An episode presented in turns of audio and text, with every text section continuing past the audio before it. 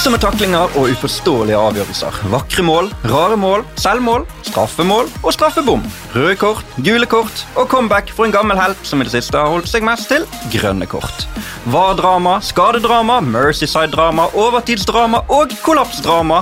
Og en helg der kun Manchester-lagene og selvfølgelig Aston Villa vant på engelsk fotballs øverste nivå. Den vanvittige femte runden av Premier League er ennå ikke ferdigspilt, men vi skal likevel oppsummere helgen og samtidig se litt grann fremover. Og til å ta oss med oss ta oss gjennom dette. En av Norges morsomste menn som du hører på TV ukentlig. Erik Thorstvedt, Takk for det. Hipp, hipp. Den, jeg så den komme. Det var litt nytt på, på nyttår, den der eh, vitsen der. ass. For den andre i studio er Johan Golden. Ja, en av de som har best peiling på fotball. Så Ja. det, det, det ser, jeg ser den fordelingen. Ja, En Tottenham-supporter og en Arsenal-supporter. Hvordan går dette?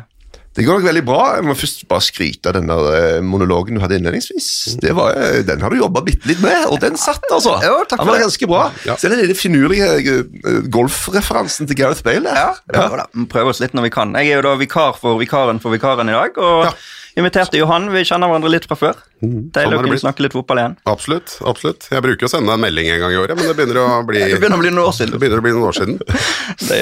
Nei, men det blir bra. Vi må nesten bare komme i gang, for det har vært en helt ekstrem runde. Vi, eh, vi må bare begynne med det som var tidligkampen på lørdag. Mercyside Derby, Everton, Liverpool. og På forhånd et Mercyside Derby der Everton ledet ligaen. Det er jo ikke hvert år. Nei, og det er jo litt stas, da. For la oss være helt ærlige, den gjengen der har eh, De har underprestert så sykt, og særlig de siste sesongene med tanke på alle de milliardene de har kjøpt for.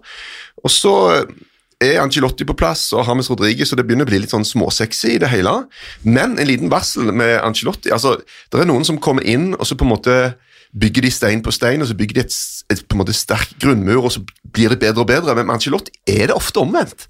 Han er en sånn bra fyr, han er en sånn kul person, man manager. Han kommer inn, alle liker han, alt blir på stell, og så har det en tendens til å gli litt ut over tid. da. Så det er en, kanskje en sånn greie å prøve å legge litt merke til med, med Everton. på en måte hvor, hvor lenge og hvor bra blir det? Eh, og er de, ja, er de rett og slett en tittelutfordrer, da? Ja, altså, Vi tenker på, på, Leicester. De er vel bedre utgangspunkt i utgangspunktet enn vi følte Leicester hadde. Mye bedre. Altså, tenk altså, det, det må jo være det laget som har brukt mest penger. Ja, de, altså, De siste årene har de brukt mye. altså. Og så har de kjøpt De har kjøpt stjerner, selvfølgelig, det har vi jo nå sett, men så har de kjøpt eh, de som ikke er så store stjerner, men som er gode spillere. Så de har forsterka de dårlige Altså bare et sånt kjøp om å kjøpe Alex Iwobi fra, fra Arsenal. Ingen vet det var sånn. De hadde noen gode kamper, ikke noe sånt, men kunne fort bli en. Likevel Everton rett inn henter den med en gang. Ja, Der det- kom den første Arsenal-referansen, ja. ja. Der bare kommer sitter og krysser av. Det er bare. Ja, men de har henta hele tiden, og dette har de gjort fra forskjell for flere lag. Så de har liksom, og så har de jo da begynt å kjøpe tidligere VM-toppskårere. Da blir man jo satt ut av det laget. Men det, det må jo gå tomt. Det, det, på et eller annet tidspunkt så må det gå tomt. De tjener jo ikke noe penger. Nei, eh, og, eh, men, men nå får de jo litt tilbakebetaling, da, i forhold til det de har lagt ned.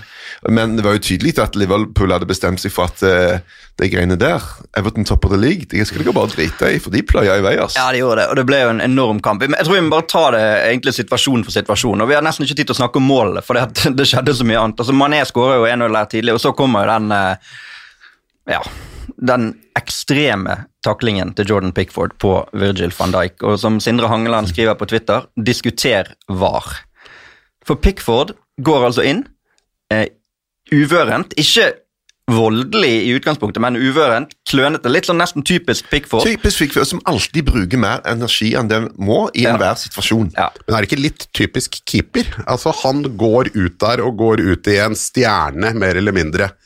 Det der får keepere lov til. Det blir veldig, veldig sjelden blåst på det. Ja, men denne var, denne var, Det er ikke bare å gå ut i stjerna. Her, her høvler han særlig det én vinkel blitt bak fra mål Ja, i slow motion som ser grusom ut. Men Pickford er jo sånn hvis skuddet går ti meter utfor, så kaster han seg alt han kan likevel. Altså Han er bare sånn en sånn en, litt sånn nervøs energibunt som fyker rundt der. Og, og det, var, det, ble, det var ikke bra. og Vi hørte jo at nei, VAR vurderte kun offside-situasjonen, men nå kommer det opplysninger nå om at VAR vurderte taklingen og kom fram til at det ikke var rødt kort. Og Det er jo også selvfølgelig litt smått skandaløst. Ba- altså, VAR må bare legges ned. Syns du det? Ja, det syns jeg. Jeg syns, det, jeg syns VAR eh, La meg si Hadde vi det bedre Har vi det bedre nå enn det vi hadde pre-var. Ja, men altså, avgjørelsene er mye bedre. Det er det ingen tvil om. Altså, Ja, men diskusjonen Du, du sitter, Jo, jo, og VAR tar også feil, og det tar så lang Ja, ja. tid. Jeg er for goal line technology, jeg liker Hawkeye, og Ja. jeg syns VAR egentlig kan være på offside, og jeg skjønner ikke hvorfor de skal bruke så lang tid på det. Det er utviklet at du har chip i ball, du har chip i, i sko. Eh, Ja, det, men det har ikke kommet. Det er ikke godt nok ennå. Nei, men det, det kommer, Ja, det kommer og da slipper vi de der stoppene Ja, ja. i det hele tatt. Men den der, med diskusjonen frem og tilbake på det, jeg blir helt gal av det. det Men det har man jo bare, vi har jo før så diskutert med dommerne på akkurat samme måte. Man har jo bare flytta diskusjonen. Men jeg tenker kanskje at det var lettere å akseptere før at, man, at dommeren gjorde en feil. For da Ja. er det en instans til som kommer inn Ja. og gjør en feilvurdering. Ja og det å akseptere det, og i hvert fall for Liverpool-sportere i denne sammenhengen her, når de da får den offsiden mot seg på slutten som. Kan godt hende at den er riktig, men å liksom skulle akseptere da at ikke den Pickford-situasjonen fører til rødt kort, det er vanskelig, da. Det hadde vært lettere å akseptere uten at VAR var der i Jo, men, bakgrunnen. men, men motargumentet her er at alle eh, skandaløse dommeravgjørelser som var rydder opp i, Mm. blir bare på en måte, blir nesten ikke lagt merke til.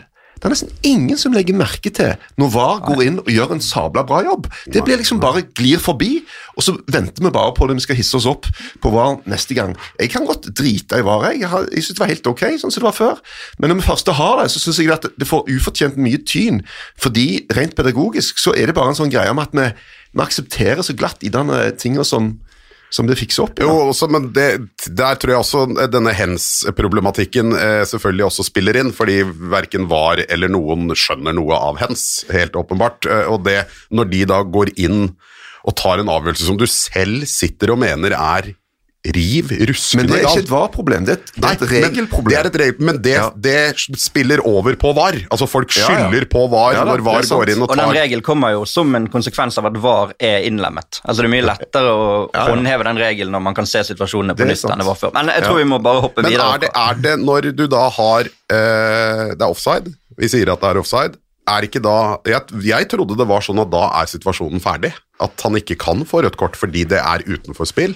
Nei, egentlig. Det, Nei. det tror jeg ikke. Nei, for det ble jo det var jo mange som tenkte automatisk, sant? men samtidig kan du jo få rødt kort på vei inn til garderoben for eksempel, hvis du begynner å slåss. At du, den situasjonen i seg sjøl er jo såpass stygg, han utsetter han for samme fare. Så, så det ble vel presisert. Brede sendte vel en melding til han, eh, en dommer der i pausen og, og fikk bekreftet det. Så at den blir vurdert er ikke rødt kort, det går ikke an å skjønne. Nei, det er jo han, han, Nei, men og det er ikke bare det at, at han Men vi må jo presisere det. da. Det er ikke, han VAR-duden skal ikke avgjøre om det er rødt kort eller ei, men Nei. om det er en clear and obvious mistake fra dommeren. Ja. Så, så lista skal ligge høyere, men likevel, den taklingen er jo godt innafor eh, den eh, rubrikken der, liksom. Altså, Ja. det er Selvfølgelig så burde han ha vært eh, utvist. Som Lammerull1 skriver på Twitter utvilsomt en klar feil av dommeren, og VAR bryter ikke inn. Synes VAR gjør fotball til mer bingo enn uten. Og Det har du på en måte argumentert mot at det ikke gjør, men, men eh, kunne han blåst straffe på det? Eh, så lenge ja. det ikke var offside, så Jo, men det er selv i offsiden. Altså, Nei. Da kunne han ikke det, ikke sant? Nei, for offsiden kom i forkant, ja, så da hadde det ikke vært uh, straff. Og den offsiden var jo riktig, så akkurat Ja. det jo. Vi må snakke litt om konsekvensen av van Dijk-fraværet også for Liverpool. For den skaden er jo da tydeligvis så alvorlig at han uh, må operere. Det snakkes om et korsbånd, leddbånd i kneet. Ja, Ligament står der, men det, står, Ja. ikke- det har ikke stått cruciate ligament, som er korsbånd. da. For det er jo det verste, for da er det jo ute basically resten av sesongen. Mm. Og man vet ikke hva man kommer tilbake til. Liverpool har jo en Oxlade Chamberlain som fikk en korsbåndskade. Har egentlig aldri kommet helt tilbake til det nivået han var. Ja. Så Så, men men får jo bare vente og se, for han, de skal vel ikke uttale seg noe mer før etter han har blitt operert. Nei. Og ofte hvis det er korsbånd, i hvert fall, så venter de noen dager. De, de, av en eller annen grunn så er det sånn at du skal ikke ta det med en gang. nei. Så Men at han er ute en lang stund, er det ingen tvil om. Og det har jo vært spørsmålet hele tiden. Hva skjer hvis van Dijk blir langtidsskadet? Det har jo vært noe som har ligget ved det Liverpool-laget. Hvordan håndterer de det? Han har vært klippen der. Verdens beste midtstopper, opplest og vedtatt de siste to årene. Og nå er han ikke der. mm. Hva tenker du? Jeg tror det kommer til å bli eh, Det kan avgjøre. Det kan gjøre at Liverpool ikke vinner ligaen denne sesongen. Det tror Jeg eh, Jeg spekulerte litt på det i morgen, så tenkte jeg liksom For ofte hører vi dette, han har vært så og så mange poeng den, eh, for et lag per sesong. Jeg husker når, når Arsenal henta Peter Check, så tror jeg John Terry var ute og sa eh, ja, det er 15 poeng mer for Arsenal per sesong, og det er bare sprøyt.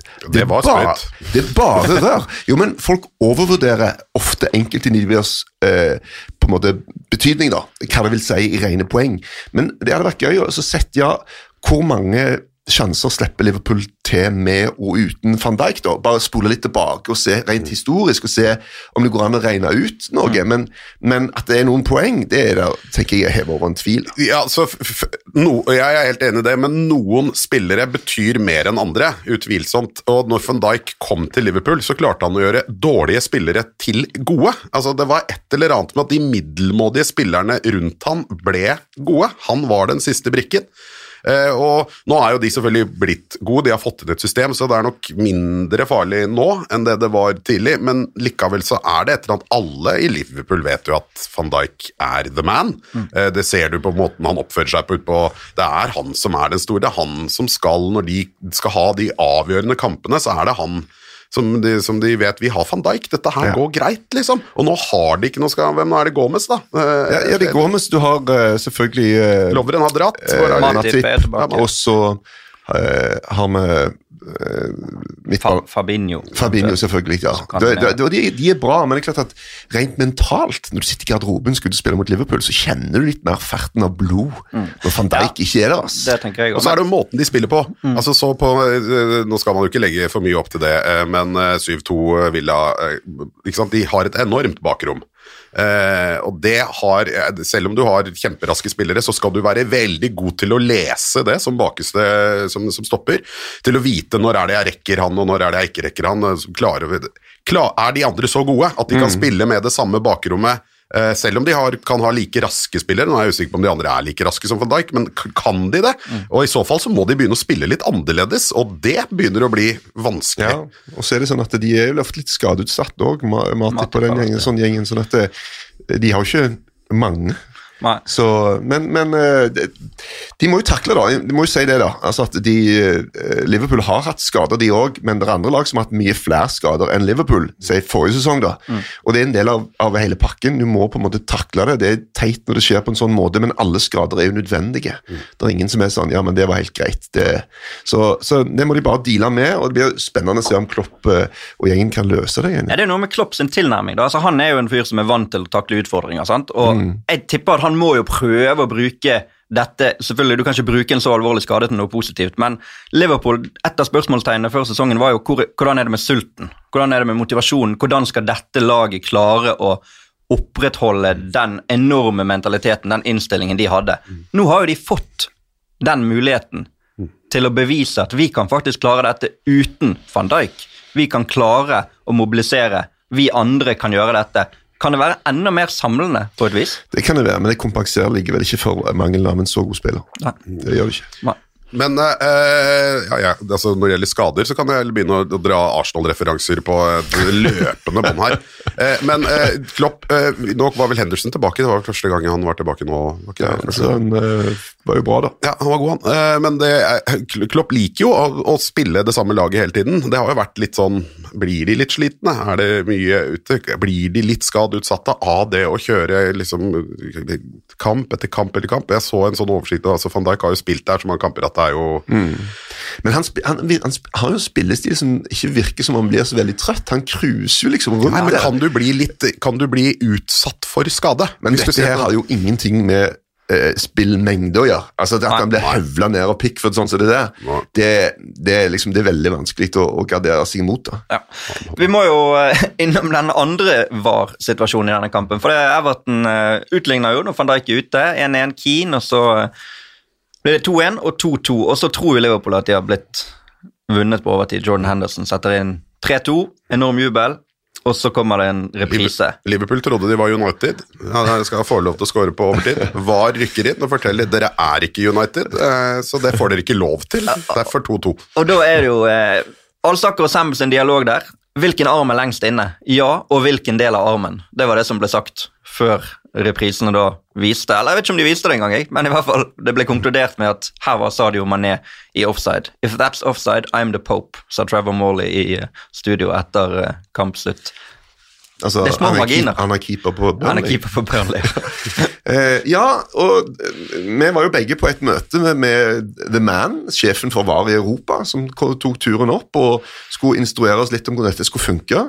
Og jeg spurte han allerede da eh, er det veldig lurt å vise disse strekene. For jeg tenker det er pedagogisk veldig veldig dårlig, for folk fatter ingenting. Og Da sa han ja, vi skal ha transparens, og folk skal få se hva som foregår.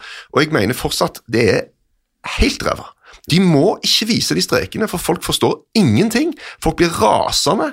Jeg, det er mye bedre heller bare si det var offside, det var ikke offside. Ferdig med den saken. Og når de en gang til og med opplyser at ja, men det vi ser, er litt annerledes enn det dere får se. Vi har andre bilder med andre piksler. Eh, så er det bare rør, altså. Og det, det er ingen som fatter noe av det. Og det, det er ingenting som gjør folk mer rasende i fotball akkurat nå, enn de der sabla strekene. altså. De må bare vekk. Ja, og VAR, som jo også folk blir ganske forbanna på, da. Når de begynner å Disse tingene de ikke helt vet. Men, nei, men eh, du kan jo ikke du, Altså, offside er jo en del du kan score med. Etter, eh, Så en arm skal vel ikke ha noe å si? Nei, altså det er hvor begynner armen, sant? opp til der hvor drakten Nei, Anne Grete Preus, av og til er 1 millimeter nok. Av og til burde ikke 1 millimeter være nok, kanskje. Men Anne Grete Preus ja, men så var det jo den gode gamle regelen, Om men den er vel helt finito. Er det et tvilstilfelle, så skal det gå det attakkerende lagets eh, favør, var det det het prevar. Eh, så denne hadde vel eh, kanskje Nei, altså, den hadde sikkert blitt blåst, men altså det, Nei, jeg hadde jo ikke det. Han hadde jo ikke blitt blåst på uten var. Nei, nei, nei. For det her er jo dommeren kan ikke være sikker, og da skal ikke han vinke. sant? Nei, Jo, men altså, det er jo mange som har blitt avvinka for offside. Jo, ikke var offside. Jo da, men det altså, akkurat denne situasjonen tenkte jeg på konkret. Jo, jo, men det kan ha- blitt, eh, det Ja da, han kunne jo selvfølgelig tenkt, men det er nå greit. Eh, Vi må videre. Eh, Det har vært syv andre kamper også i en helt vanvittig helg. Bare siste punkt her. Anne Grete Preus, født 22. mai. Av og til 1 millimeter nok. Samme dato som Howard Kendall, Everton-legenden. Og 1 millimeter var mer enn nok for Everton i dette tilfellet. Yes. Oh, har, har du funnet ut den sjøl, eller har du Ja, lest den en plass? Ja, det fant jeg ut sjøl. Seriøst? Ja, bare dobbeltsjekket datoen. Så. Ja. Vi hopper videre til Sjekk. Sjekker ikke du alt av Anne Grete Preus før du går i studio? Det som var tippekampen lørdag klokken fire, Chelsea-Southampton. Og det ble ikke mindre dramatisk, eller det ble det jo kanskje, men i hvert fall eh, ekstreme fotballkamper gjennom hele helgen. Og eh, snytt for tysk oktoberfest der, Chelsea, har jeg skrevet som overskrift. For eh, det så jo bra ut lenge. Ja, eh, og så er det jo eh, Jeg må jo si det, for de som ikke har sett målet som slo ut FC København eh, i Europaligakvaliken, eh, og kanskje kosta Ståle Solbakken jobben, det er det, altså, det er det mest Benny Hill-målet det går an å få tak i. Men det ene baklengsen til Chelsea var 2-2-mål, Benny. Hill òg, ass. Ja, det- Og det er faktisk litt stas, da.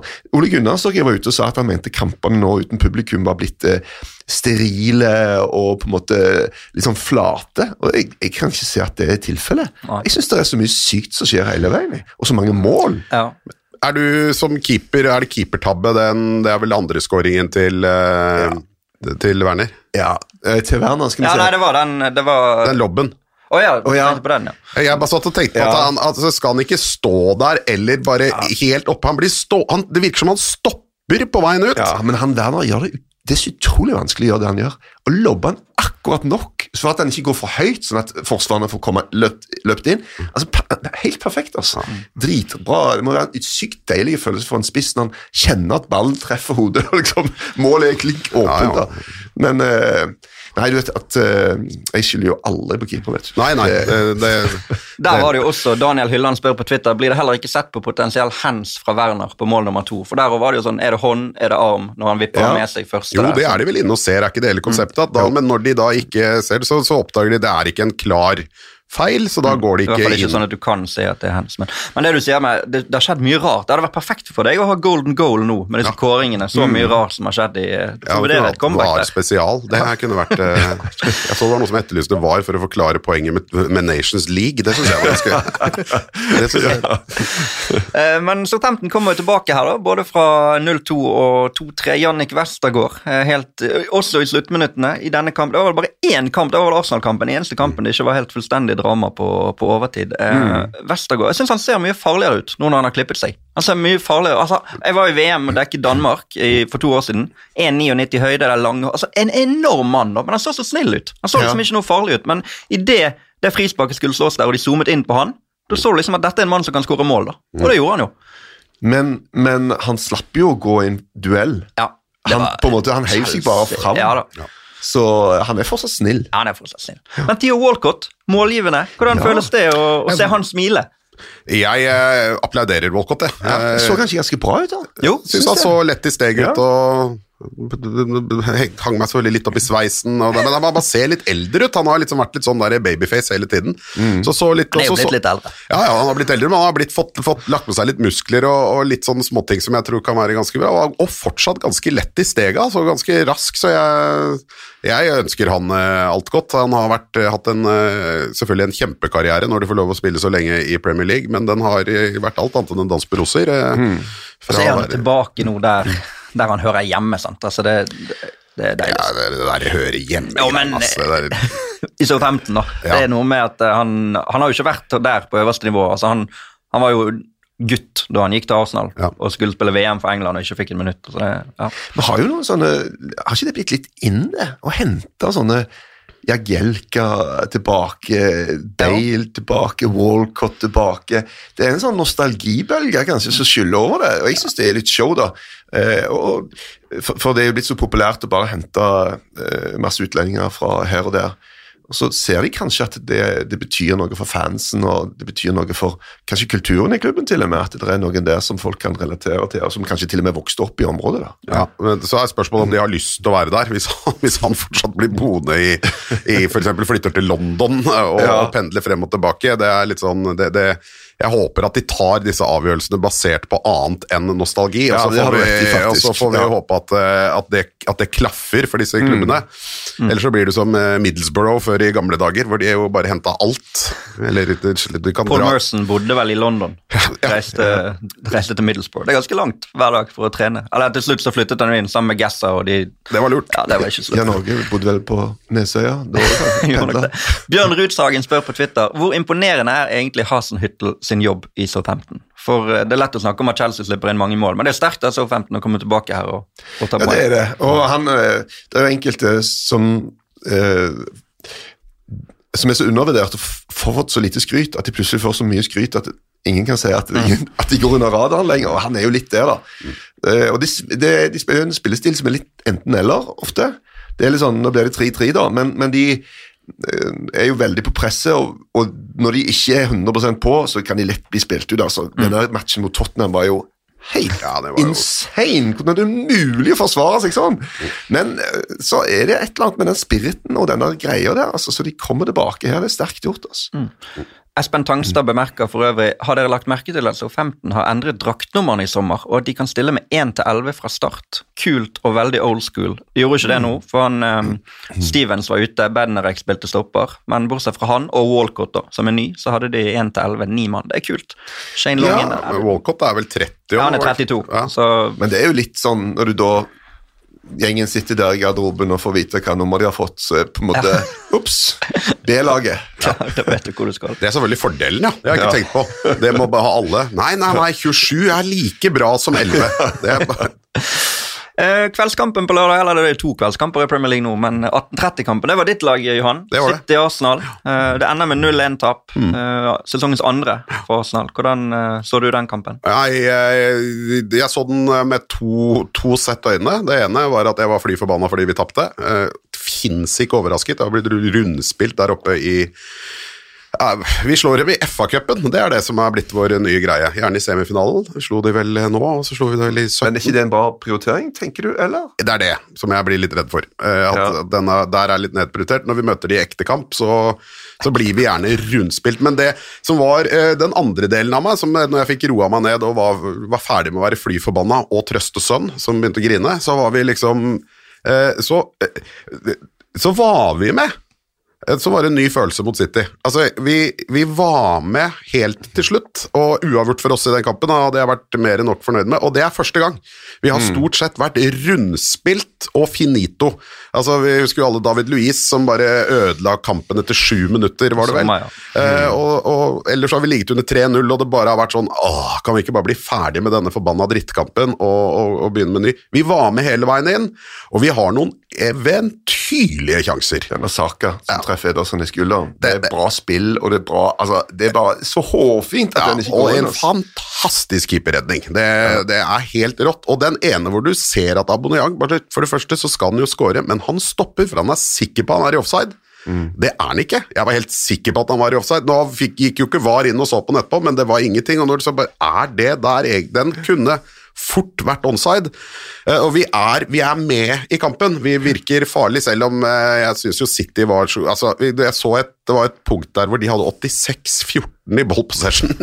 det, det, det er røft. Men, men det er jo en ny Arsenal-greie, at de er blitt mye mer komfortable med å, å ligge bakpå. Mm. de må ikke ut og møte det andre laget toe to toe, og liksom møte dem med samme våpen, da. Og det er en ny Arsenal-greie. er.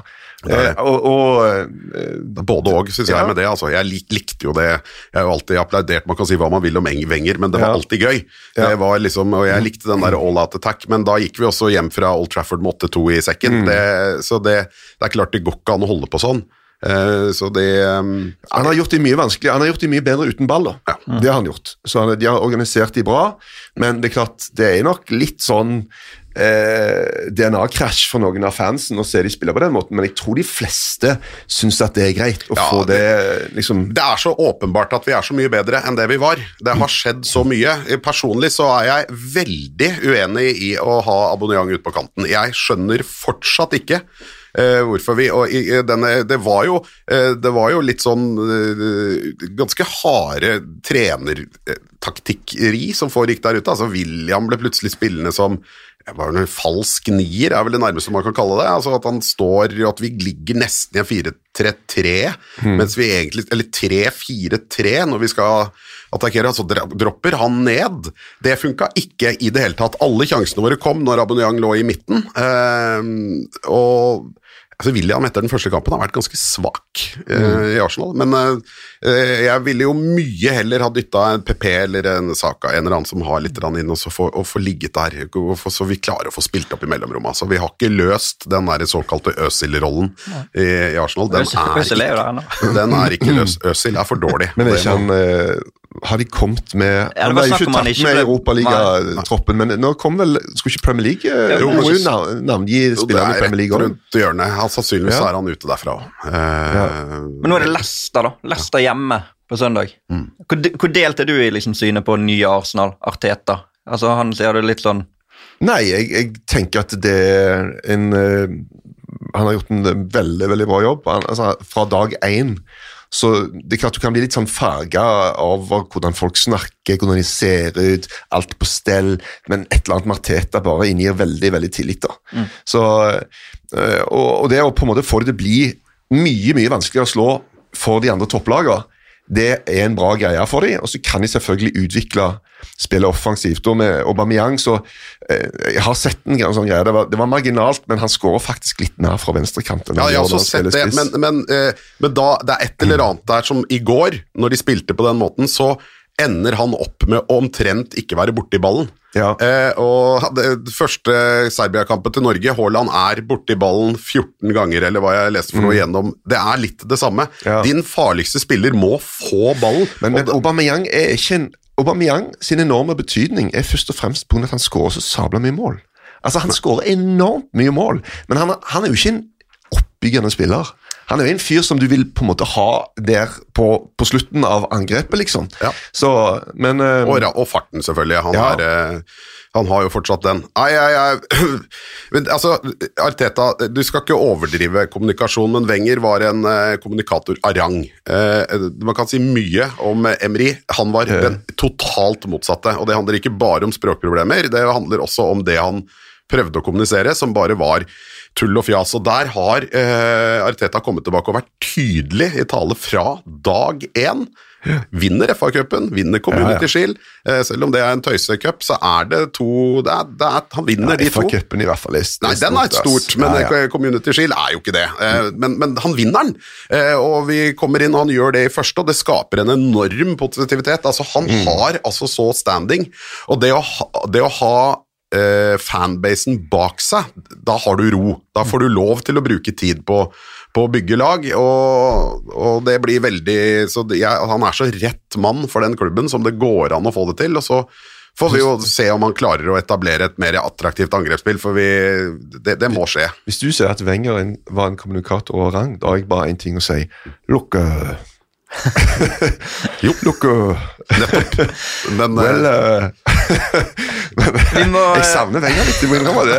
Lukke eh, boka kommer nå hvert øyeblikk, det blir gøy, det. City vinner jo kampen 1-0. Ja. Så med, bedre ut bak, selv om Arsenal har noen sjanser. Ruben Diaz eh, ser bedre ut enn de andre som har prøvd ja, seg der. Og vi, jeg husker jo satt her på et tidspunkt og tenkte fuck det der City, altså Den ligatittelen der kan de jo bare glemme. Mm. Og så plutselig så taper Liverpool 7-2, og så er det liksom Så tenker du Det der kan de jo fikse. Ja, da, de har en hengekamp, vinner de den, så Ja. det med at da er de vel foran Liverpool. sant? Har Ja. ikke David eh, Silva Nei, de har ikke det. Og det er klart at de har noen mangler, men jeg syns han Diaz så mye Ja. mer solid ut enn de andre kan, som har vært han inne der bli skulle bli den kan nye company. viktigste kjøpet som ble gjort nå. Ja, og så er det jo et eller annet Hva spilte de jo De Bruyne var jo ikke der, liksom. Så det, eh, men Aguero, selv om han selvfølgelig ikke er rust Det er noe med Aguero, ass. Det er, han går bare Men det var det første kampen hans på lenge. bare Ja, vi kan avslutte med det. Det. Vi, kan avslutte med den. Det har jo vært en del snakk om den situasjonen der han er oppe på, på skulderen til Sean Massi og Men har det det? Ja, det har vært det, i hvert fall på sosiale medier har det vært en del jeg bare lurer på, Er folk ute og prøver å lage trøbbel? Fordi Jeg så det og tenkte dette blir bråk. Dette er jeg helt sikker på at det blir bråk. Eh, eh, og så tenker jeg, er det sånn og, og det er sånne ting som det, det, det er en veldig vanskelig sak. Fordi det er jo sånn, når, Hvis du blir spurt hva mener du om det Selvfølgelig skal han ikke gå og ta på henne. Han skal ikke, hvis det er fordi det er en jente, hadde han gjort det fordi det er en mann? Ja, akkurat det. Ja, kanskje. Det, det er godt mulig, det. Men det er godt mulig ikke òg. Kanskje det er bare fordi at eh, Aguero endelig er høyere enn en person, så han eh, får lyst til å legge armen sin litt rundt han er misfornøyd borte på siden. Ja, det, han skal jo ikke gjøre det, man skal ikke være borte i dommeren, men jeg, det, det er jo ikke noe Jeg, jeg syns ikke det er noe liksom urespektfullt av det han gjør der, egentlig. Nei, Det er en, en litt merkelig situasjon, og du kan trekkes i to retninger. Enten si at eh, ja, det der var ingenting, eller så kan du si at det der gjorde han pga. at uh, det var en kvinne, osv. Vi får jo aldri helt vite svaret, men de har jo sett på situasjonen og vurdert jo at eh, Nei, det, det var ikke en aggressiv måte han gjorde det på. Hvis det var, hadde vært aggressivt, og det er på grensen til aggressivt Han er jo aggressiv først Ja, der, nede ved hjørneflagget. Så, men ok, han eh, har fått tyn, og han har sikkert fått med seg, så jeg tror ikke han gjør det en gang til. Nei, Vi hopper videre til eh, det som da var faktisk kveldskampen på lørdag, Newcastle mot Manchester United. Og eh, Ole Gunnar Solskjær slo tilbake igjen da han måtte. Han har jo hatt litt for vane det både et par ganger forrige sesong og nå, selv om eh, det startet jo grusomt. da. Men de vinner 4-1 over bort mot Newcastle, og det er jo solid. Ja da, eh, det tok jo lang tid før eh, Uniteds andre mål kom, så det Ja. begynte jo å se Og klart at hvis de ikke hadde vunnet der, å, da hadde knivene vært ute. Altså. Han hadde, hadde, Så- hadde han ikke fått sparken da? Nei, det er ikke det, men klart så hadde de PSG borte, da. Neste match det er ikke akkurat noen superstars, det Ja, for nå er det PSG, Champions League. I morgen så er det Chelsea hjemme, så er det Leipzig, og så er det Arsenal. Så Ja. det kunne kommet Det er litt av noen kamper, altså. Ja. Særlig den Arsen, tenker jeg på. Det, ja, altså Vi skal på tide å ta de der oppe. De er jo Nei, jeg, jeg tror dessverre for Ole Gunnar Solskjær at hans dager der oppe er talte. Jeg, tror at grunnen til at Pochettino ikke har den jobben, er fordi at Pochettino hvor mange er det som har gått til eh, United og kommet bra ut av det? Eh, det, det er et sted hvor du, hvor du taper, altså på et eller annet vis, sånn i det siste. Du går dit, du føler ikke at det er et sted hvor du går for å vinne. Tenker du spillere, eller? manager? Ja, spillere Alt. og managerne nå i det siste. Du, du kommer opp dit, og det blir bare bråk. Det er ustabilitet, det er vanskelig, det er Hva er det som skjer? Det har liksom ikke helt fått roa det ned. Jeg tror det er derfor han har sittet så lenge. Altså, jeg tror Pochettino, hvis han skal dit, så skal han ha 100 milliarder for å lage det laget sitt eh, som det skal være, og, og det får han ikke akkurat nå. Og da, da venter de enda litt lenger med, med Solskjær, altså. Det rare med Ole Gunnar er jo liksom det at det har gått sånn enormt opp og ned. Altså sånne perioder. og jeg, jeg tror jo han kan få dette Dette er egentlig et godt fotballag. At, de kan, få- at han kan få det på stell igjen, det, det tror jeg. Men det er klart at den matchen som kommer nå, PSG med litt sånn eh, ferten av hevn i neseborene for den matchen som de røyk ut av Champions League for med, mot Det er nesten det verste han kunne møtt. ja, den, den, den tror jeg de skal hevne. oss. Hvem kjøpte Maguire? Er det Solskjær, eller er det klubben? Vet man det? Man vet jo ingenting. Det, Ja, det sånne han, ting blir jo aldri kommunisert. Men det var jo rykter om han sommeren før òg, da Solskjær ikke var der. Ja, Men hva det betyr, det vet man jo ikke. Så, men, men, men jeg, altså, Ole Gunnar har jo vært mye tyn for dette transfervinduet her, men jeg syns han har vært flink på transfermarkedet. Ja, var vel du som poengterte det i forhold til uh, Sancho, altså at det var jo noe agenthonorarer. Men så ikke jeg du sa snakket ja, altså, Totalpakken var på eh, tror det er 2,4 milliarder kroner. Ja, ja, det står det respekt, altså, det, respekt det, skulle, det, skulle, jo egentlig bare mangle. Du skal jo ikke betale det, selvfølgelig. Og, det, og, fans skal man jo ikke høre på når det kommer til sånne ting, for man har jo helt urealistiske krav i forhold til hvem som skal inn. Men Maguire er ikke god nok. Eh, mener jeg, for det laget. Og det var et bomkjøp, og det, det kan vi jo holde på med. Men se på, se på Sanchez, da, eh, som gikk dit. Hva skjedde, hva skjedde med han der oppe? Det, ja, han har vi lært av, tror jeg. Jeg tror det er en av grunnene til at de ser at eh, vi må tenke oss om før vi bare ja. går fullstendig over pipa med summer her. Altså. Så henter du Kavani, da, som er på en måte litt sånn falmende stjerne. Ja, jeg har også, tro kanskje. på det. Akkurat det der har jeg, syns jeg ikke er så dumt som folk skal ha det. Hvis han er på på normalt nivå. Men så kan det være at de har kjøpt Falcao versjon 2, liksom. han er for sterk. Altså, ja. Kavani har visse ting som du vet han kan. Han kommer til å være god på dødball. Altså, det, det, han blir ikke dårlig på det.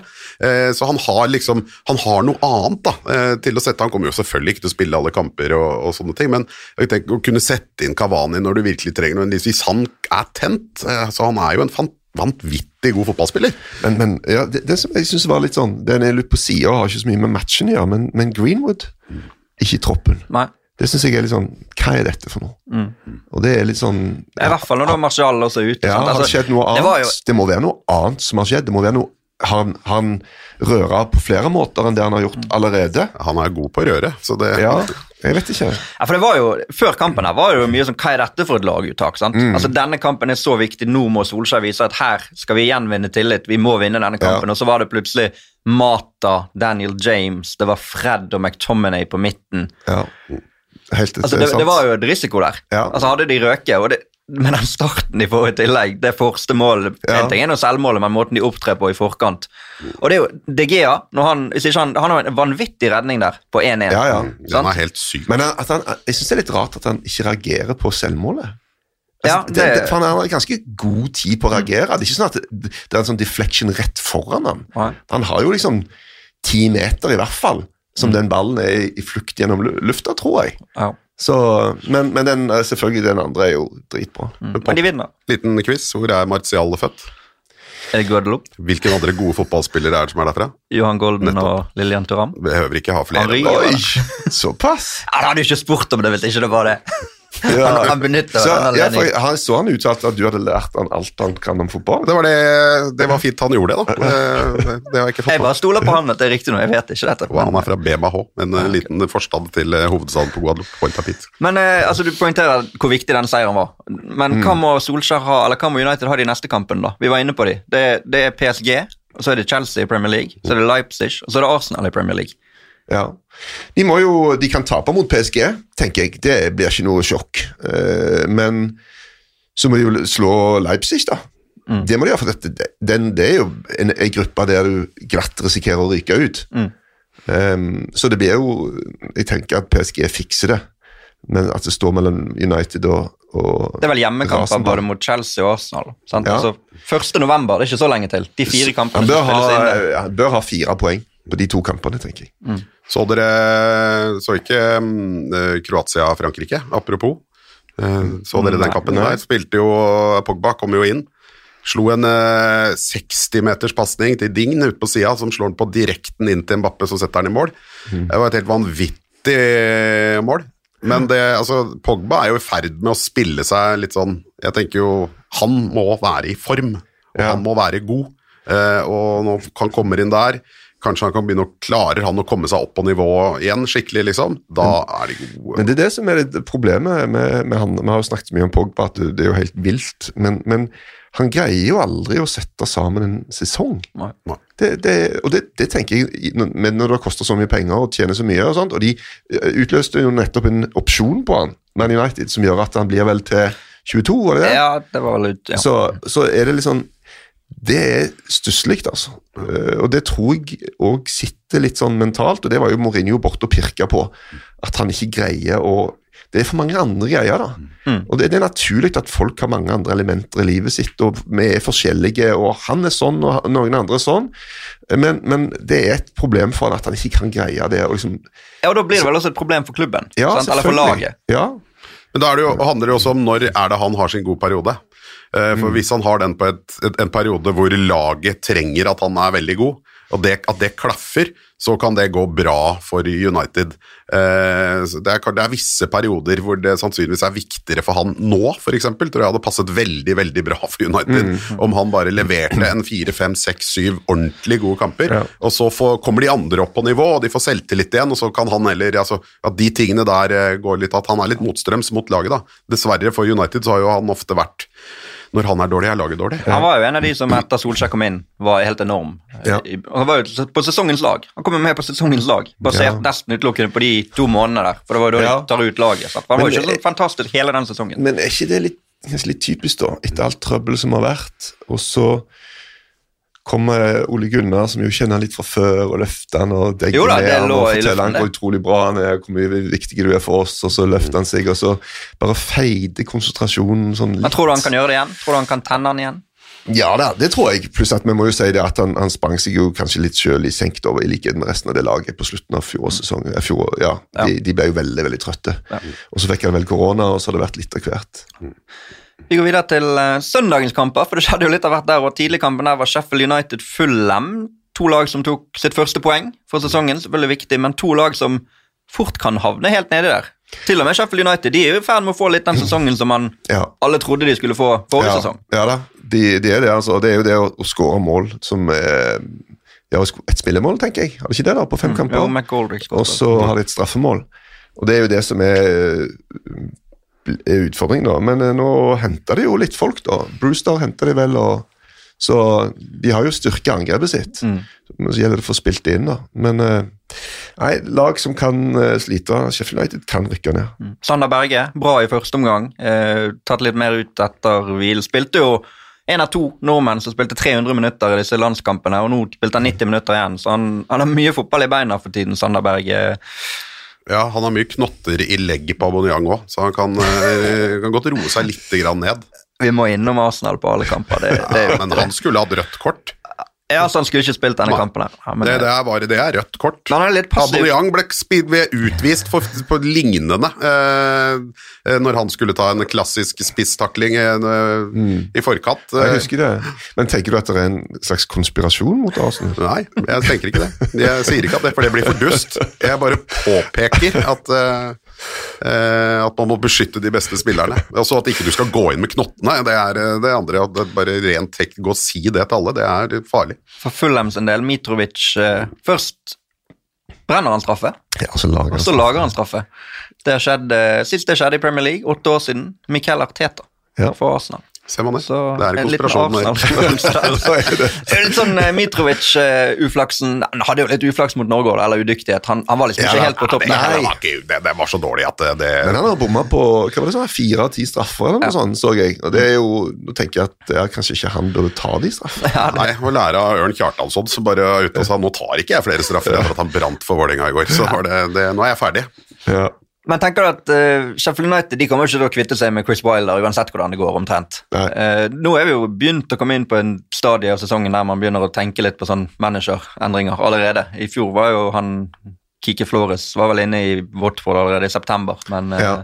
tror du liksom Wilder Scott Parker, tror du han lever farlig? Nei. å Jeg tror ingen av de der er farlig. Jeg tror der har de ledelse som ser eh, ja, Khan i Fulham, du vet jo ikke helt, da. Men, eh, men jeg, jeg, de har gjort en så sabla bra jobb med, og, med disse lagene allerede. Jeg, jeg tenker det, Mine f altså, favoritter ville vært sånn som Moyes og, og Bruce og sånn, men de har jo prestert ganske bra, de. Mm. Så de uh, sitter jo ganske trygt. Litt interessant den der, når San- Sander Berge kom dit, så var det vel Lundstrøm han, han satt ut, eh, og mer eller mindre uttalte at de var liksom én mot én. Eh, Lundstrøm kommer inn i samme kampen når eh, Sander Berge har vært ganske dårlig og skårer, husker jeg, den der første kampen. Mm. I går spiller jo de, nå spiller de sammen på siden, så det sier noe om at han han klarer jo å på en måte bruke sine beste spillere og få lagd, eh, lagd et system som de passer inn på. Så jeg er jo det er veldig Men han leiter vel litt ennå, da. Han Ja, og det viser jo resultat resultatene nå, da. De har jo ikke fått resultater, selv om han skrøt jo veldig av Sander Berge før forrige kamp, at han kunne Ja. spille i flere roller og spilt litt i den sentrale og sånn. Så nei, det er spennende. Med norske øyne er det veldig spennende å følge utviklingen der.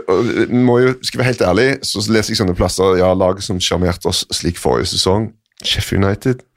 Ok, vi tipper de nord og ned, og så gjør de det veldig bra. Men sjarmerte De har overlappende eh, midtstoppere, men ellers så er det altså relativt tråkig. Det er ikke mange mål i Sheffield United sine kamper. Altså. Det er ikke fyrverkeri ene eller andre veien. Da passer det godt å hoppe videre til Crystal Palace, som sjarmerer oss hver eneste uke. Denne kampen ble det første gang siden Oppda begynte å registrere avslutninger i 03-04-sesongen at et lag kun hadde én avslutning på mål i løpet av en kamp, og det var et straffespark. Expected goals uten straffer, som er det riktige å gjøre, var 0,00. Ja, de hadde ingenting. Brighton hadde 20 avslutninger. 21! Men Palace holdt på å vinne. Ja, de gjorde det. De Og, og jeg slutten. Synd på Brighton, altså. For et lag som spiller og spiller og spiller så mye som de gjør, Ja. og får så lite fra, ut av det, egentlig. Snakket om Brighton, hvor gode de er. Ja. Men de har fire poeng på fem Ja, kamper. men filla så gode de har vært, altså. Jo, jo, men de har fire poeng. Ja. Så Men nei. de spiller jo gøy fotball. Det er gøy å se på dem. Det er jo de er- all out attack. Det er, ja, og de er så bra på måten de gjør det på. Det er så kalkulert bra fotball, da. Mm. Men er jo, sluttproduktet er jo tynt. Altså, er noe med utgangspunktet, da. Det er lettere å la seg sjarmere av et Brighton som kommer fra den, den posisjonen de har og spiller på den måten, enn et topplag som liksom Mm. Ja. får like lite igjen for den Ja, spillestilen. Danny Welbeck presentert eh, som ny Brighton-spiss der, to timer før eh, start. Det er det samme som eh, det forhåndværende pinnedyret mitt hjemme het, ble døpt den Danny Welbeck. For- Hvordan gikk det med det pinnedyret? Nei, som jeg sa, det forhåndværende pinnedyret. Kanskje han Så- kan Problemet var jo at det var vanskelig å finne det, for det ser jo ut som en pinne. Så det var jo var litt vanskelig å finne. Du må ikke ha det blant par pinner. Du må ha det i et Det er sånne eks-Arsenal-folk strødd rundt omkring i Premier Ja, det blir mye- Det- Det har vært mye folk innom, gitt. Vi kan jo gå innom det røde kortet til Louis Dunk, og han mistet bare hodet der. Han Han Ja. tenkte den ballen skal jeg ta, koste hva det koste vil. Men han tok det veldig fint etterpå. Ja, det må jeg si. Jeg, jeg tenkte at uh, det var bra. Så ser du taklingen, og den er såpass ille at du tenker ja, vi kan ikke gi han veldig mye skryt, Nei. men likevel, altså måten han på en måte tok seg av Mm, eh, skadd spiller og sånn, så nei, det var helt ok. Syv røde kort på Dunk siden starten av 2012-13-sesongen. Mest i de fire øverste divisjonene i engelsk fotball. Vi går videre til uh, Det var 2-3-kampen mot United. Det var den jeg satt og tenkte på. Var da jeg mente de burde ha vunnet. Ja, ja, Ja. Og så tapte de med ligacupen eller FA-cupen eller hvilken det var en eller annen sånn cupbak etterpå, hvor de bare fikk skikkelig ja, det var ligacupen. Arsenal. Men den seriekampen var jo helt utrolig. Det var helt, det var helt, Ja, da var fem de altså så fem da i stolpene. var- Da var de, ja, det var, fem, det var den kampen. Da var de altså så gode at det var helt sjukt. Et annet, eh, det som ble et utrolig resultat, Tottenham-Westham 3-3. Erik, du rister på hodet. Ja, det er helt sykt. Det er Gareth Bales eh, første 24 kamper for Tottenham. Nå komprimert til et kvarter i en Premier League-match. ja. 15 år senere, 10 i hvert fall. Så nei, det var bare helt uh, absurd. Og, og den, det siste målet er bare sånn altså Hvis du prøver å skyte derfra liksom 100 ganger, hvor mange ganger skjer det egentlig? Null. Altså, det har fått helt altfor lite oppmerksomhet, fordi alle bare snakker om Og så kommer Gareth Bale inn, og så tapte de. Det siste målet Altså, den går i den går i begge kryssdekk. Altså, den går jo helt Ja. inn. Den er i tverrleggeren ned i stolpen og inn med ytterskru fra hva er det for noe, 20 meter. Ja, det er det, sikkert 25. sikkert Det er, det er 30. noe at et av de villeste det, er- altså det er jo Ja. årets mål, det er jo, Ja. og på overtid. Det der kan du bare glemme. Det der er årets mål. Det er så, det er så sinnssykt treff. Det som ødelegger det litt, er kanskje at Loris Er igjen? Er borte igjen sant? Jo, Altså, men det altså sånn for eh, estetikken i selve målet. Ja, det, men altså, han hjelper jo bare på å få estetikken til å bli enda bedre. ja. Altså, det, Altså, det blir sånn som Gessa. Simen var jo borte, Ja. bort på den. For å ta noen sånn han, eh, altså, det, det, er så vilt, det, så at det drukner i altså, Alt bør bare være Det er tidenes treff på overtid som redder poeng. Det er ikke Gareth Bale som kommer inn på slutten. Det er eh, Altså, nei, altså, for meg er kanskje hovedgreia med hele matchen er feiringen til Moyes. Altså, altså, så han? Han kalte det sitt eget David Pleat-øyeblikk. Og hvis dere har lyst til å sjekke på YouTube, så søk på David Pleat Celebration. Det er et, en opprykksgreie eller noe sånt. Han springer rundt der som en eh, total mappet, og Moyes var jo i samme kategori. Han var langt inne på banen. Ja, han var, men det er jo Westham. Altså, for, å, for å se med litt Westham-øyne, da. De har fått et par av de der i trynet mot Tottenham opp gjennom årene. Ja. Bale hadde jo en sjøl sist de møttes, der han dunker han i krysset på, helt på slutten. Stalteri på overtid der. Og det, jeg synes det lå så ekstremt i luften da. etter Bale kom innpå. Det var nesten sånn testimonial-preg over kampen. Og Hvis Westham fikk et mål, da kunne det ligge noe der. Og så var det det er et freakshow at det skjer. og at På åtte minutter så går det fra komfortabel 3-0 til 3-3. og jeg vet ikke hvordan man skal kritisere om det går an å liksom kritisere Tottenham på det. For det, det skjer jo åpenbart et eller annet med begge lag når det blir 3-1 men frem til 81-30, eller jeg husker ikke hva det var i, så var jo kampen død og begravet. Ja, og, og det der Kane Son-show som var i begynnelsen, havner jo helt i parentes-kategorien. Og det, det var jo enormt hva de holdt på. Altså det der, Sånn som Tottenham starta kampen, var jo Du satt bare og tenkte hvor mye blir dette, mon tro? Men de to er jo helt enorme. Ja, de var helt rå. Jeg var over to ganger i, i fjor, og så Westham, også faktisk Arsenal Westham begge eh, gangene, både borte og hjemme. Så jeg må si jeg, da, da, utrolig nok, dette var Una Emry, klarte å vinne begge kampene. Så det, er jo, det, det var jo helt sjukt. Vi vant til og med 3-1 borte. Men jeg føler litt med Westham. Dette er ikke bare Det har alltid gjort det. det, det er noe, den nye stadionet deres er noe forbanna drit til fotballstadion å være. Hele det nabolaget er rasert. Eh, og du bruker elleve år på å gå gjennom et kasino og et kjøpesenter for å komme deg ned til den stadion. Du sitter langt Det var så mye frustrasjon på, på tribunen. Jeg var og så Arsenal Westham for lenge siden på gamle stadion.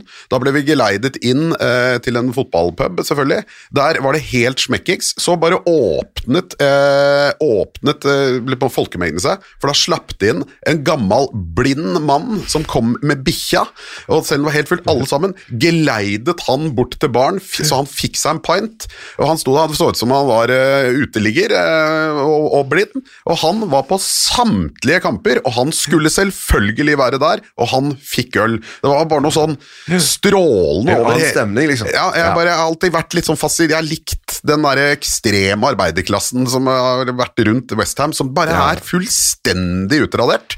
Eh, og, og det må jeg så sånn sett så må jeg si at jeg, jeg de, de trenger noen seire på fotballbanen, altså, for der nede er det, der er det slit. Der er det trist, rett og slett. Ja, det, det er lett å bli altså, Det var jo en kul plass å komme, da. Det var jo ikke up to date, denne gamle stadion til Westham. Det var jo skikkelig old Park, school, men, men, men klart at det var jo stas. da. Ja, det var gøy, altså. Det var, Den siste kampen deres, var ikke det hjemme mot Man United? den var jeg på. Og den var jo helt vill. Tror de skulle dø. Vi var Ja. helt oppe under uh, tribunene der når han var det? det var han Reed for det, skåret 3-2 der. Ja.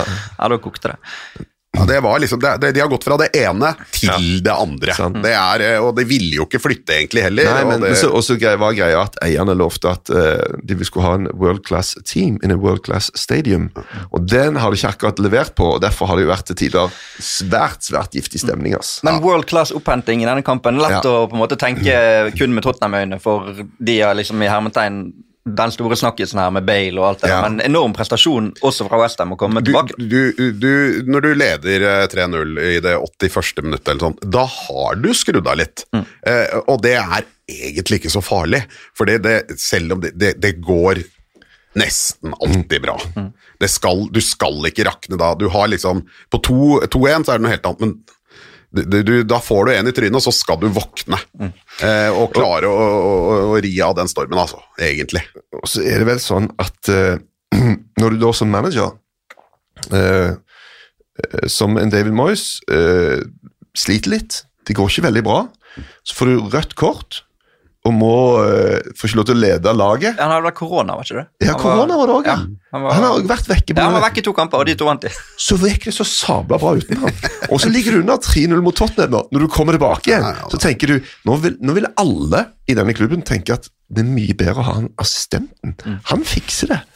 Og så får du da opphentingen som må være bra for han personlig òg, da. Sitter hjemme for Westham på lørdag. Eh, De har kommet seg godt i gang, selv om de har et tøft kampprogram. Tottenham har Burnley borte. De har jo kun vunnet bortekamp av Tottenham, så det blir jo spennende helg der. Vi hopper til eh, siste kampen i helgen. Det er to kamper i kveld, men de får ikke vi tatt. Leicester Aston Villa. Villa vinner igjen. Fire strake. Ross Barkley matchvinner. Også det helt på slutten. Imponerende. Veldig. Og det som, av alle syke ting som jeg synes var mest imponerende med den kampen, var det som skjedde etter at de skåra 1-0, på overtid. Du tror at, ja, men altså, Gamle Villa hadde jo bare de hadde bare beleira eget mål og bare måka ballen unna. Her spilte de fotball på Evertons banehalvdel, når de leda 1-0 på overtid. liksom. Så jeg synes det, jeg har vært ganske kritisk mot Eller Villa har bare egentlig sagt at ok, vi får se til slutt. Uh, og Det er andre lag også som har vunnet fire første, og så har det gått trått etter hvert. Men nå syns jeg da, han Cash ser bra ut. Det er liksom de, ja, jeg er veldig overrasket. Den store, kanskje aller største tillegg til Everton er jo Aston Villa som positiv overraskelse. Sist de vant alle de fire første, 1930-31. Da ble de nummer to. Eh, vi snakket så vidt eh, om det her. Eh, kan Villa bli årets Leicester? Ja, det kan det jo. Eh, men jeg vil jo heller si at Everton blir årets Leicester. Men Villa er jo enda mer sånn De Ja. reddet seg så vidt sesongen før, Ja. har flytt på en bølge Ja, nei, etter det, det- er nederlagsdømt sånn halvveis, i hvert fall. Nei, eh, det, ja, ja, nei, nei, jeg tror ikke det. Eh, men eh, det er klart, Barkley Bartley er jo ser bra ut nå. Det å slå Leicester, det er godt Leicester leverer veldig ofte, eller sjelden, skikkelig dårlige kamper. Det er ikke noe lett, det. Eh, Og det, er, det vanlige her er det Leicester som putter den der eh, på slutten. Så her har de klart å snu det rundt. De har forsterka laget eh, lite grann. I hvert fall fått inn en keeper. Der må vi ha inn den. Eh, Ja, men- men Fyller han er god, altså. han har, kommer inn og redder straffe i første kampen, liksom, så er det så han, han har absolutt gitt dem litt mer, eh, litt mer eh, defensiv trygghet. Mm. kommer de, de er jo, de er jo on a, on a high nå. Det er bare, hvor lenge klarer de å Og de løper jo som noen gærninger, liksom, så det er jo Ja, nå er det Leeds borte. Det kan bli uh, høyoktav. Det kan bli en kul match, det, altså. Mm, det er på fredagskveld, så det blir bra. Ja. Fred Jekteberg spør nå er jeg spent på neste PL-podkast hvor mye tid brukes på Villa. Jeg tror nesten vi må sette strek der, for det begynner å nærme seg slutten. Men eh, to kamper i kveld. West Brom Burnley 18.30, Leeds Wolves 21.00. Vi skal ta et par uh, faste elementer før vi runder av. Det var moro å se på. Morata var kjempegod. Hva i all verden? Er. Han snakka ikke om seg sjæl, han snakka om dommeren. Da skal vi til de faste spaltene, og vi kan begynne med ukens blomst. Vi har fått et par eh, innspill fra sosiale medier. David, 66 42 44 30 på Twitter, kanskje telefonnummeret hans, skriver blomst. Ruben Diaz, konge i forsvaret til City. Yahya Ibrahim, VAR-teamet på Mercyside Derby, kanskje ment med litt ironi i Mm. Og Jørn Henland skriver blomst. Juan Mata, hjerte. Han var jo bra. Litt sånn Ja. avskiltet i United der. Har du noen eh, kandidater? Lanzini. Ja. Jeg går Ja. ikke an å ikke det, det, Da tenker jeg jeg Ja, kan ikke kan lansere Lanzini. Nei, men han kan eh, få både blomst- gjør det, så er greit. Han kan få blomst og kaktus. Det er et ikonisk bilde der Kevin Nolan, assistenten, holder den der eh, drawbook der det står liksom Han viser frem til Lanzini. Da du ser stillingen 3-0 73 minutter. Ja. Hva står i denne her, liksom? Altså, Ja, ja, her må det sant. stå noe magi. Ja. Jeg er enig i det at uh, Moyes kan jo kanskje få seg en, en blomst etter den uh, hoppingen og opptredenen der. Son Kane, som gikk litt under radaren. 28 målinvolveringer nå totalt i Premier League. Åtte allerede denne sesongen. Til fem Det kan bli ny rekord. Var det ikke 13 som var rekorden? Var det ikke det? Shearer 17. 13. Ja, 13 sånn pasninger målt til hverandre i løpet av en sesong. Oppe på åtte nå. Den kan de ta, altså. Ja. Jeg er i det. Lanzini kan få den. For- Jeg vil vel også lansere Pickford for en kaktus, da. Ja, han har jo veldig mange vært innom. Vi trenger ikke gå igjennom alle, men Og det verste, jeg må si det da, Han er jo hata veldig av mange nå, men, men han mener jo ikke å gjøre dette her. Og jeg tror faktisk han har det ganske tøft. det, han det også, tror nok jeg Ja, det- Det å føle på at man ødelegger Ja. en annen person, Ja. potensielt en karriere, det er klart at Jo, det, men det er noen spillere som har en sånn spillestil eh, som, som må gjøres noe med. Eh, dette blir den siste Arsenal-referansen, men er det Ja. Ja, Showcross som eh, Jeg vet ikke Ja. hvor mange han, og det er ikke bare i Arsenal, altså gjennom han har skada. Og det er et eller annet med Er det noen som går inn og tar tak i og sier at du, den måten du går inn på Du, er i, du, du, du, du dreper karrierer, altså. Potensielt, det er flere ganger du ser at det er mer eller mindre bare flaks, altså. jeg er litt usikker på om Pickford har gjort det med noen andre. Jeg kan, kommer ikke Nei, på han er det som vil, men jeg, Ja. jeg klarer heller ikke å huske. Men vi kan gi han en kaktus for dette. Ukjent helt, den er jo alltid vanskelig. Eh, Falken Fantasy skriver ukjent helt, spenstreneren slash trampolinen til Dominic Calvert-Lewin. De har jammen gjort jobben. Noen tall på hvor høyt Calvert-Lewin Calvert-Lewin når. Har vel ikke noe tall på det, men han er høyt oppe der. Han er det. Altså, det er jo ikke Jeg vet ikke om det er noen andre som egentlig satser noe skikkelig heller. De kommer ikke opp. Altså, han er bare sånn Det Fly som en ørn. Som en ørn. Jeg, vi kan gi den ukjente helt. Han er såpass ukjent at vi ikke vet hvem han er. Jeg tror jo Vi må vel si at dette er jo veldig uh, genetisk styrt, da.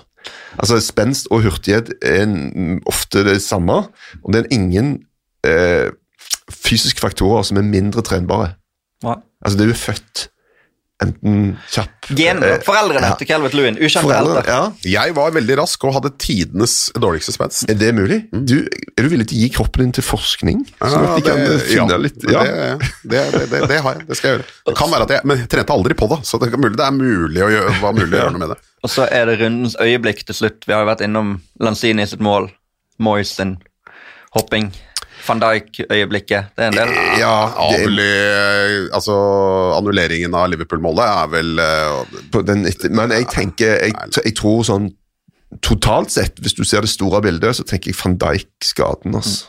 Trist å trekke det. Eh, men, altså, for dette, Det handler ikke bare om akkurat det som skjedde der og da, det handler om Ja. noe som sannsynligvis strekker seg kanskje til en ut sesongen. Kanskje lenger enn det, til og med. Eh, vi avslutter med fem kjappe spørsmål. Jeg vil kun ha eh, ett svar fra hver av dere, og eh, de fem spørsmålene er fem.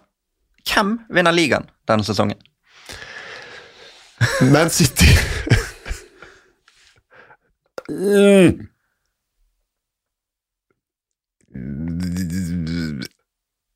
Everton. Oi. Oi, oi, oi. oi. Eh, da besvarer du neste spørsmål også, for blir noen av de to lagene som topper ligaen nå, Everton eller Aston Villa, blir noen av de topp fire? Det, da Det må jeg si ja. ja. Sier nei. Får noen Premier League-managere sparken i løpet av november måned, altså enten oktober eller november? Um, nei. Ja, da sier jeg ja. Hvem blir den neste til å vinne trofé av José Mourinho og Miquel Arteta? Eh, Arteta, selvfølgelig. Da sier jeg Mourinho, for ligacupfinalen kommer først. Og der er Tottenham i kvarten.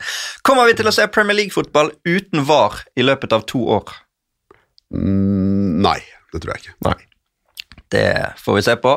Vi runder av der, vi, og takker til eh, deg som har hørt på. Takk for at du kom på besøk, Johan. Det var deilig å snakke fotball igjen. Bare hyggelig. Og takk til deg, Erik. Du eh, skal vel i gang denne uken. Det er mye kamper på TV2s plattformer denne uken her. Champions League og selvfølgelig en eh, rikholdig meny til helga. Jeg tror du kan se 16 kamper uten at de krasjer eh, på TV2s kanaler denne uken. Så det er det bare å komme seg inn. Så, Johan fortalte jo at hans sønn grein vel etter at Arsenal tapte, men det var vel mest pga. at pappa ikke ville leke med han underveis mens kampen pågikk. Var det det, Johan? eller? Det er mulig det har eh, Det har noe med den 'hold kjeft, pappa ser på TV' eh, Kan jo ha noe med saken å gjøre, det nå. Det kan det. Eh, hvis du har likt dette, kom med ros til oss på iTunes. Hvis du ikke har likt det, kom med ris på Twitter. Og takk til moderne medier som har vært med å lage episoden for oss. Og så ses vi neste uke. Ha det bra!